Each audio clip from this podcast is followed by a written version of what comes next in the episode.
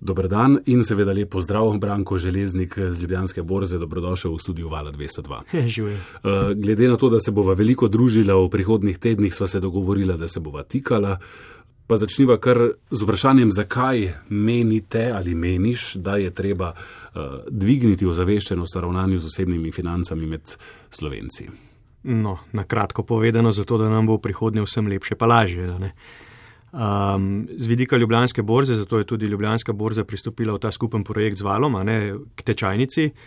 Um, gre za to, da je treba pravzaprav zadevo obravnavati celostno in na vseh ravneh, in na, ravne, na ravni individualnega vrčevanja in na ravni ozaveščanja, če rečem, gospodarstva, ne, da sedaj obstajajo neki novi trgi, neke nove inicijative v Sloveniji ki ne na zadnje lahko koristijo podjetjem, podjetnikom za doseganje tiste lažje strategije oziroma rasti. Kdo je finančno pismen ali če rečem, kdo ni?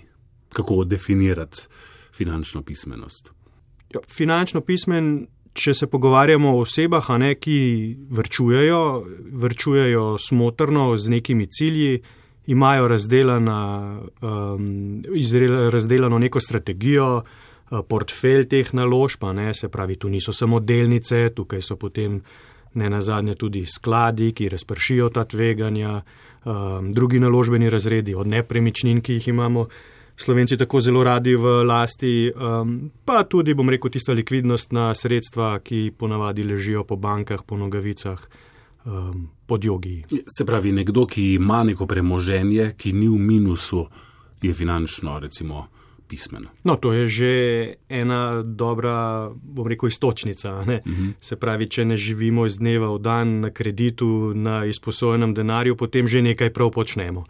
Uh, vprašanje je seveda sedaj, kdaj bo ta denar začel delati za nas, nov denar, ne? in pa um, kaj bomo imeli od tega na nek daljši rok, se pravi ob upokojevanju in tako naprej. Ne. Bi lahko ocenil, recimo, eh, mladi, starejši, kateri so tisti, ki so bolj, ne vemo, zaveščeni, ki bolje znajo obračati svoj denar? Pravzaprav se to znanje um, seli jasno iz ene generacije v drugo, ne, in seveda, če naši starši niso prav vešči, tudi sami ne bomo, eh, če se ne bomo seveda postopili ne, tega znanja pridobivati in tako naprej. Načeloma lahko potegneva črto, da je mladež vseeno finančno bolj pismena, ker ima tudi, tudi čist druge potrebe po življenju, tempo je drug, eh, sistem je drugačen, v kakršnem so živeli recimo naši starši, eh, ki pravzaprav teh eh, vrčevanj v smislu naložbenja niti ni bilo potrebno, ne, ker, ker smo imeli pokojnino zagotovljeno in tudi, bom rekel, standard. Kaj pa recimo, če primerjava še ne vem, družine, ki morda jim je finančno lažje kot tiste, ki jim ni. Namre, predstavljam si, da tisti, ki morajo dvakrat obrniti vsak evro, ne, uh mhm. -huh. um, da niso finančno nepismeni. Ja, ne, se je absolutno že na ravni osebne potrošnje, ne se to dobro kaže. Ne, se pravi, umetnost je privrčevati tiste evro, ne, če veš, da ga preprosto moraš porabiti. Tukaj ne gre za neke bajne presežke, po katerih strmimo. Ne gre za to, da pravzaprav gremo lažje, to je tudi namen te najne tečajnice, ne, da gremo po naših individualnih potrebah, ne, da gremo lažje skozi to življenje uh, z nekim namenom ne samo vrčevanja, ne, optimiziranja finančnih potreb, ne na zadnje tudi pač potem ustvarjanja nekih presežkov, če iz tega sledijo. Zdaj prav strašno poglobljenih analiz pri nas ni bilo narejenih. Raziskava OECD iz leta 2012 eh, je bila upravljena med 1315 eh, in pokazala, da dosegajo na eh, kar zadeva finančno pismenost rezultate, ki so pod povprečjem med 18 vključenimi državami. Um, posledica česa bi to lahko bila? Ne vem, dejstva, da recimo um, nekega finančnega opismenjevanja v našem šolskem sistemu ni, -huh. kar v Evropi sicer marsikje je prisotno ali česa drugega. Ja, tudi to. Ne? Predvsem pa to, da če tvoj oče ni nikamor v lagu in se ne pogovarja, bom rekel, na neki dnevni bazi o nekih investiranjih, o delnicah, o vrčevalnih schemah. Uh, pokojninskih računih in podobno, ne potem tudi sam tega znanja preprosto ne moreš od nikjer povleči. Um, je pa to za mladostnike ena taka nehvaležna tema, ne pač finance te do, če rečem, nekega prvega nakupa večjega, vem, avtomobila praktično ne zanimajo. Ne. Trošiš z dneva v dan in uh, tukaj bi starši in šolski sistem lahko jasno velik pripomogli k tem, da naša mladež postane dovzetnejša do, do, do teh vsebin. Je denar tabu tema? Doma, ja, v Sloveniji mislim. skoraj da res. Uh mhm. -huh. ja. Zdaj, ta ista raziskava, ki sem jo omenil, je pokazala, da je 90 odstotkov slovenskih 15-letnikov leta 2012 že imelo bančni račun, to je bil pa najvišji odstotek med 18 državami. Ne vem, ali podatek o tem, da nekdo ima bančni račun ali pa ne, sam po sebi kaj pove. Ne, prav dosti, to je pač nek začetek. Ne? Se, če se spomniš, že v šolah so nas nekako navajali na ta vrčevanje. Jaz se spomnim, smo imeli neke, če rečem, šparovčke, ne, pa smo mesečno nalagali neke žepnince, prav v šoli so bile organizirane kot neke šolske banke.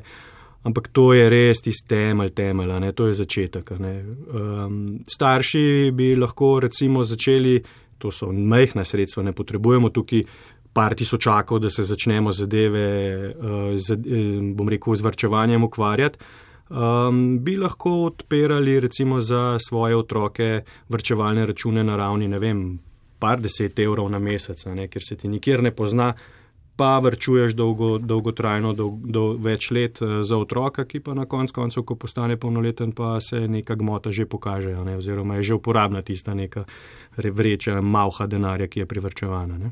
No, v tečajnici na valu 202, ki jo boste prepoznali po takih napovednikih. Tečajnica. Vodnik po osebnih financah. Bomo torej obravnavali številna področja osebnih družinskih financ, eh, katerih recimo.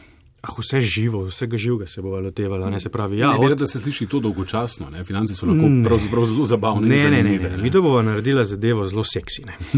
um, se pravi, ja, lotevali se bomo teh osebnih financ, kot rečeno, z vidika borze se bomo lotevali, oziroma bom jaz, če rečem, mal prdjev uh, tudi tematike na makroekonomski ravni, se pravi, kako spodbuditi gospodarsko rast, kako bomo lažje uh, sistemsko zaplavali, kje so, bom rekel, zdaj tista manjka v, v sistemu, kjer je ne na zadnje.